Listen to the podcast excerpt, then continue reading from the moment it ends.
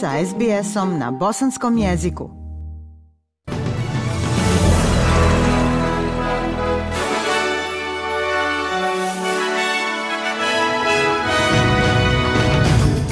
U današnjim vijestima poslušajte. Zagovornici prvih naroda pozdravljaju odluku da se ukine parada povodom Dana Australije u centru Melbourna.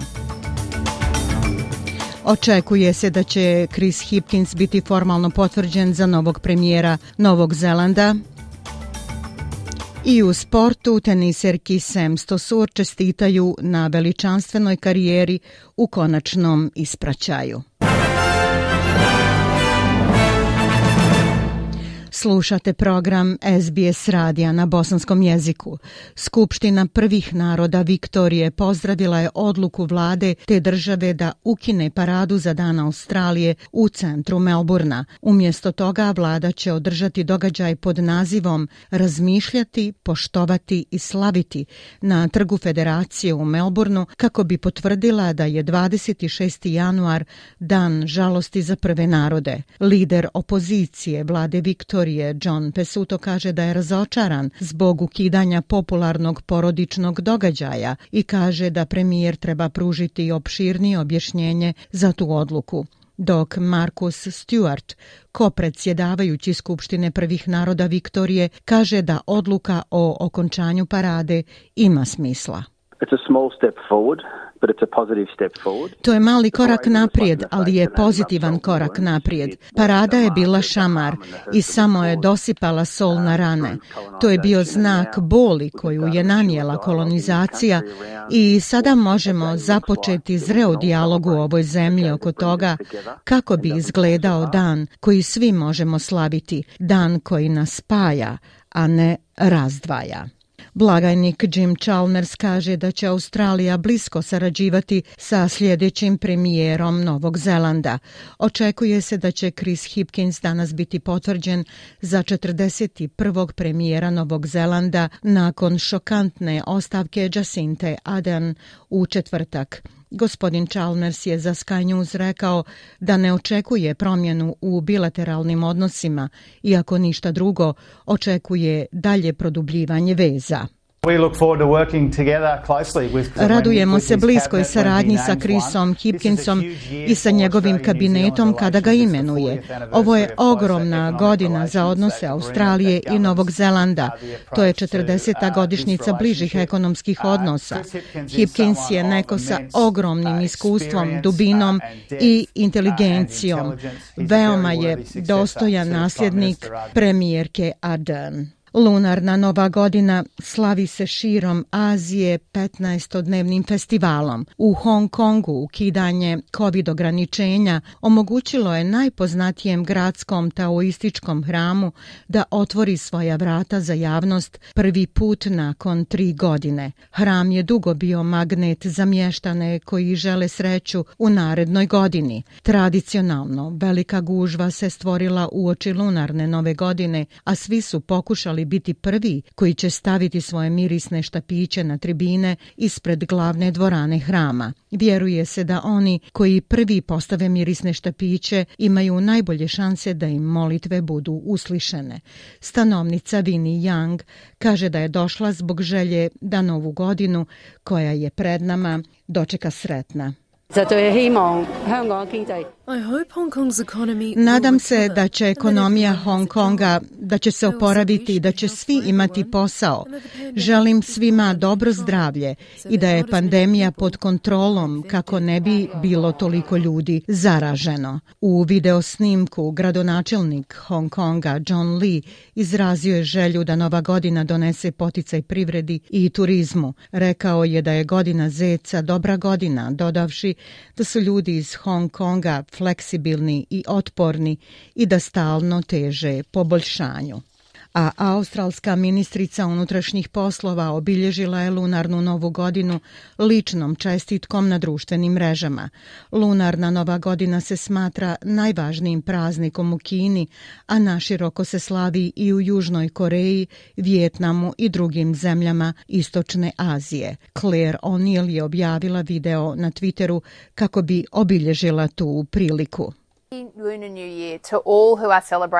Sretna lunarna nova godina svima koji slave ovdje u mom biračkom tijelu Hotam i širom Australije. Bilo da slavite godinu mačke ili godinu zeca, nadam se da će ova godina donijeti vama i vašoj porodici dobro zdravlje, sreću i prosperitet. Vijesti iz svijeta. Desetine hiljada Izraelaca okupilo se u Tel Avivu u znak protesta zbog planova za ograničavanje vlasti i pravosuđa. Prijedlog bi dao političarima više ovlasti u imenovanju sudija i omogućio bi poslanicima da poništavaju odluke Vrhovnog suda. Bivši izraelski premijer Jair Lapid pridružio se demonstrantima u Tel Avivu dok su podizali izraelske zastave i transparente na kojima je pisalo Vrhovni sud i Izraele imamo problem. Ostali protesti održani su u Jerusalimu, Haifi i Beršebi. Demonstrant Ruven Benkler je iz Tel Aviva i kaže da je demokratija ugrožena. Oni su u stanju raditi mnoge stvari i u redu je. Ne sviđa mi se to što rade, ali je pošteno. To je drugačija politička perspektiva, ali nemaju pravo mijenjati osnovni element. Izrael je jevrejska, demokratska zemlja koja dozvoljava svakoj osobi, bez obzira na spol, vjeru ili bilo šta drugo, da prakticira vlastita uvjerenja u Izraelu kroz demokratski sistem. Ministarstvo kulture Perua objavilo je zatvaranje poznatog turističkog mjesta Machu Picchu i staze Inka na neodređeno vrijeme usred antivladinih protesta. Ministar turizma Huelgero kaže da je 417 turista zaglavljeno na tom mjestu, a više od 300 njih su stranci. Protesti koji su u toku od početka decembra pozivaju na ostavku peruansku predsjednicu Dinu Boluarte. U nemirima je poginulo 46 ljudi, a vlada je navela da uvodi vanredno stanje u područjima pogođenim nasiljem.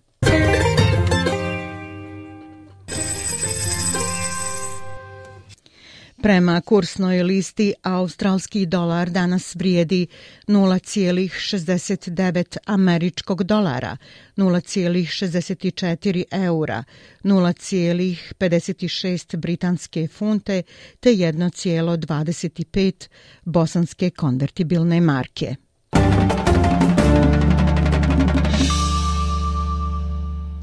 Vijesti iz sporta. Organizatori Australian Opena odali su počast veličanstvenoj karijeri Sam Stosur, opisujući je kao istinsku inspiraciju. Stosur je svoju 20-godišnju karijeru završila sa osam Grand Slam trofeja, jedan u pojedinačnoj konkurenciji, četiri u ženskim parovima i tri u mješovitim. Dobila je ovacije na kraju završnog meča svoje karijere, sinošnjem porazu u mješovitim parovima u prvom kolu Australian Opena. Stosur i Med Ebden izgubili su u meču od petog nosioca holandsko-hrvatskog para Demi Šurs i Nikole Mektića. Med Ebden kaže da mu je bila čast igrati uz Stosur nazivajući je Anđelom. Ona je jedna od najljubaznijih, najiskrenijih i najskromnijih ljudi koje poznajem. i svi oko nje govore isto. Nije tajna i zaista je rijetko naći tako dobre ljude na svijetu. Ona je jedan od tih dragulja, tih anđela. Bila mi je čast poznavati je i ostati prijatelj s njom a Novak Đoković kaže da je spreman za publiku koja će biti protiv njega kada se u ponedjeljak suoči sa Aleksom de Minaurom u četvrtom kolu Australian Opena. Oporavak i priprema Đokovića bit će ključni nakon što mu je ponovo bio potreban tretman u sredini meča na lijevoj tetivi kada je igrao protiv Gregora Dimitrova. Đoković juriša za desetu krunu u Melbourne Parku i nastoji parirati dugogodišnjem rivalu Rafaelu Nadalu sa 22 glavne titule. Kaže da će atmosfera i podrška publike ići u prilog njegovom protivniku, ali da nije uplašen. Veliki je izazov igrati sa Australcem pred njegovom domaćom publikom i siguran sam da će atmosfera biti naelektrisana i da će on pokušati uh, dobiti meč. Ali imao sam ta iskustva ranije. Igrao sam ovdje sa velikim uh, australskim igračima, tako da znam kakav je to osjećam. Znam šta mogu očekivati.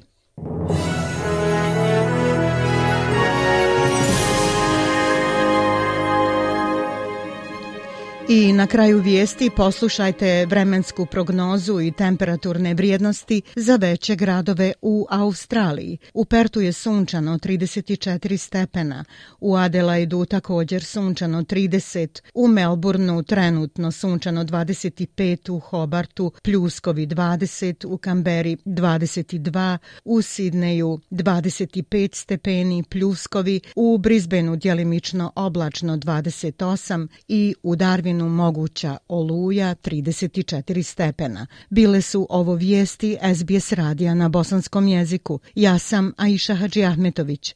Ostanite i dalje s nama.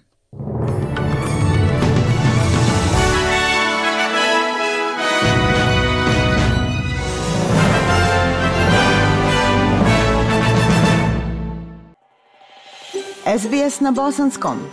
Podijelite naše priče preko Facebooka. Želite poslušati još ovakvih priča?